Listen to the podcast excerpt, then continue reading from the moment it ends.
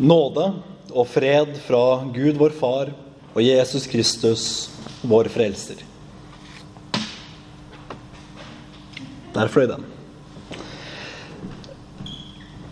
Ja, det er, det er ikke sånn kjempehast, men hvis du legger den på trappa, så kan jeg ta den når vi skal synge. Må Gud igjen under denne hellige pinsefesten utøse sin ånd over sin kirke. Sannelig vet vi at vi trenger det.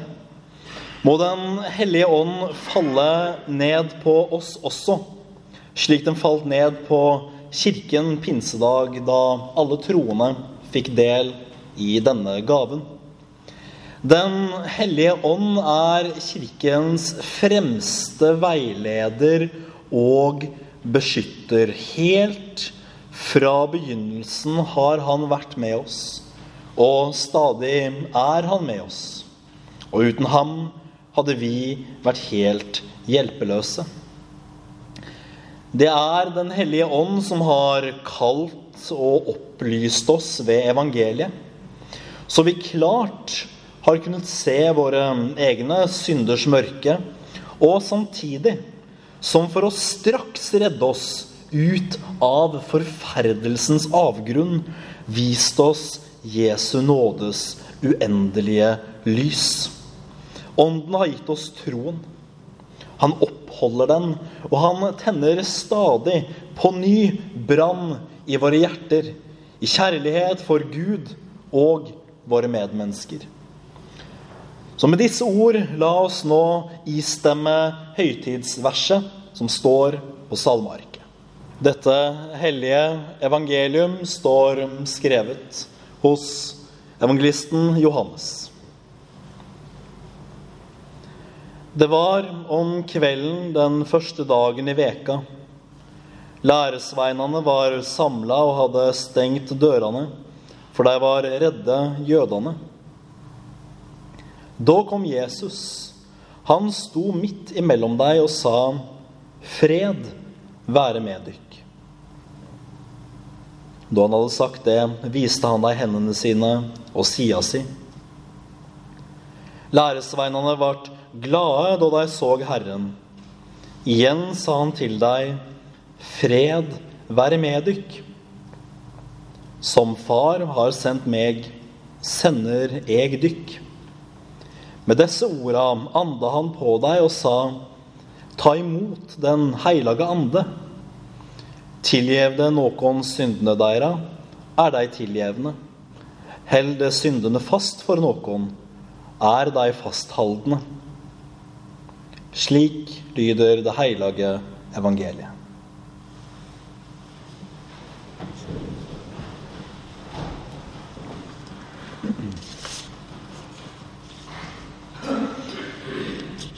Jeg må dessverre fatte meg i eh, større korthet i dag enn det jeg gjerne ville gjort.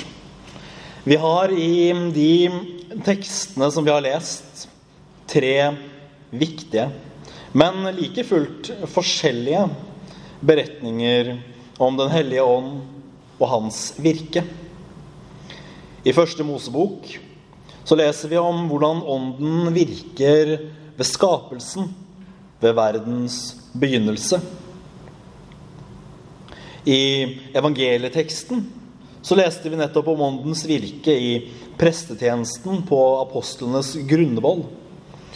Og til sist, i apostlenes gjerninger, så kan vi lese om at ånden blir utøst over den videre kirke til tjeneste for at verden skal få del i det gode budskap om frelsen i Jesus Kristus.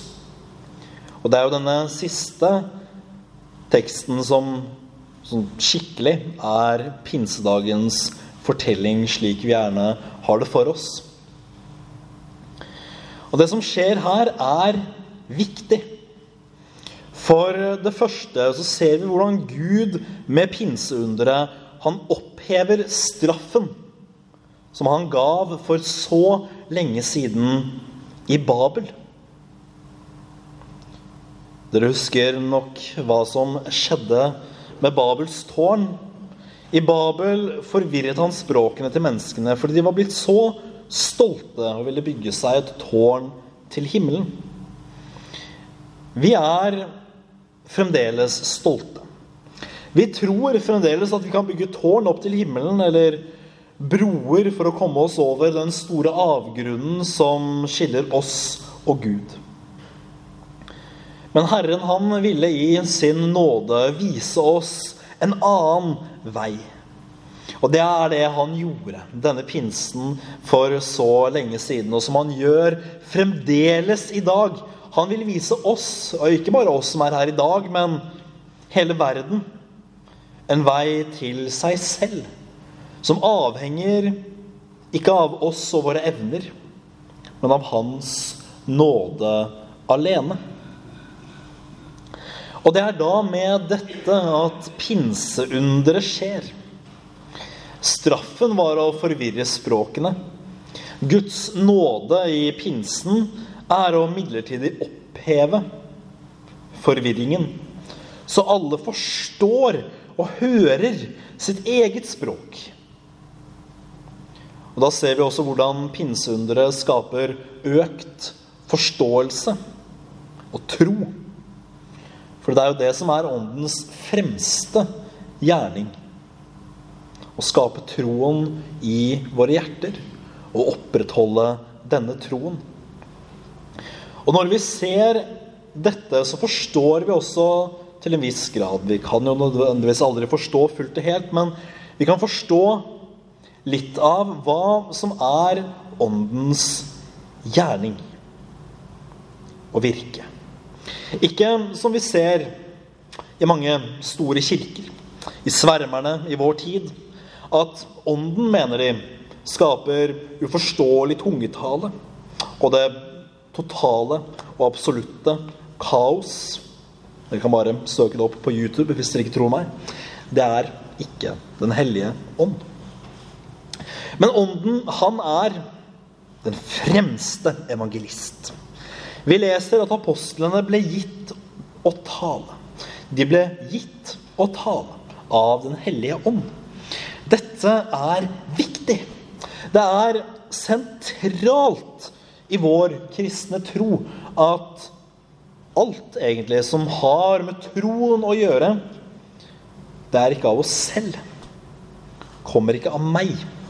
Det er Gud selv som virker i oss.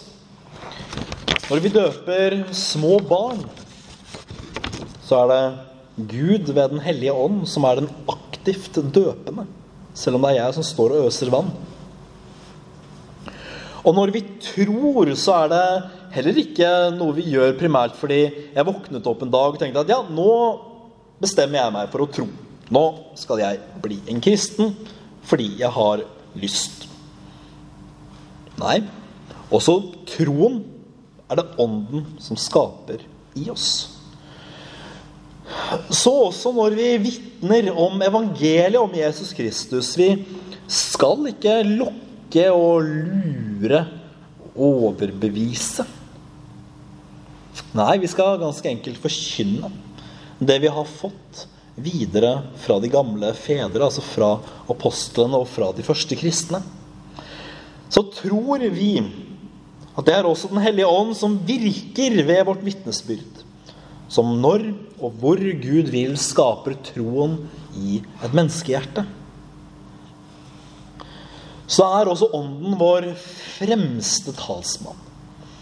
Og visst har vi behov for en slik himmelsk talsmann, for i djevelen så har vi også den verste anklager. Djevelens fremste oppgave det er å overbevise verden om at det Guds ord kaller synd, ikke er synd. Og det klarer han godt. Ja, han lykkes bedre og bedre med det for hvert år som går. Det var også hans opprinnelige oppgave i hagen. Har Gud virkelig sagt, er tidens mantra. Men Gud oppholder sin kirke, og stadig er det mennesker som i Moselovens speil ser sine synder, og er helt overbevist om at ja, det er synd, det Gud kaller synd. Men da gir ikke djevelen seg og har likevel et ess i ermet. Klarer han ikke å overbevise deg om at, dine, om at dine synder kan du gjerne holde på med i fred? Da vil han begynne å anklage deg og si at det du har gjort, for den du er, finnes det aldri tilgivelse. Kan vel Gud tilgi en synder som deg? Det er djevelens ord. Gud har tilgitt en synder som deg. Han ga sin sønn i døden for alle dine synder. Og ved troen på ham så får du tilgivelse for alt. I denne tro har både bedre og verre syndere enn deg selv funnet nåde og evig liv. Dette er Åndens ord. Han taler din sak og forkynner stadig evangeliet i ditt hjerte. Anklager djevelen deg, la han nå bare holde på. For den som tror på Kristus, mot den har han ingenting å stille opp med. På samme måte virker også Den hellige ånd som talsmann gjennom prestens munn. Det er ikke mine ord, det jeg står her og forkynner. Men når jeg igjen og igjen løfter fram tilgivelse for syndene for dere, så er det nettopp på bakgrunn av det oppdrag som er betrodd meg av Kirken. Og Dette er en tanke som vi finner igjen i dagens evangelietekst. Her innstiftes prestetjenesten, som ikke er noe annet egentlig enn apostlenes etterfølgere, men ikke apostler. Ikke med den samme autoritet, ikke på langt nær. Det må sies. For det er mange som også i dag kalles, kaller seg selv apostler. Og det ville også vært dumt hvis dere trodde at jeg nå her sto og sa at jeg er en apostel. Det er jeg absolutt ikke. Men vi er likevel kalt, som prester, men også som menighet, til å gå med dette budskapet, som i sannhet er åndens vitnesbyrd med budskap om nåde og løfte om tilgivelse for syndene. Og Derfor sier også presten i skriftemålet Tror du at min tilgivelse er Guds tilgivelse? Og på dette evangelieord, som vi i dag leste, får da den angrende tilgivelse for sine synder. Her skulle jeg gjerne lagt ut i det lange og det brede om skriftmålets skjønnhet og nytte. Men det får være en annen gang. Ånden, den virker stadig. Den oppholder Guds kirke. Den skaper tro og er vår talsmann imot djevelens mange anklager. Gud være lovet for den store gave at han pinsedagen for 2000 år siden og i Den hellige dåp har gitt oss sin hellige ånd.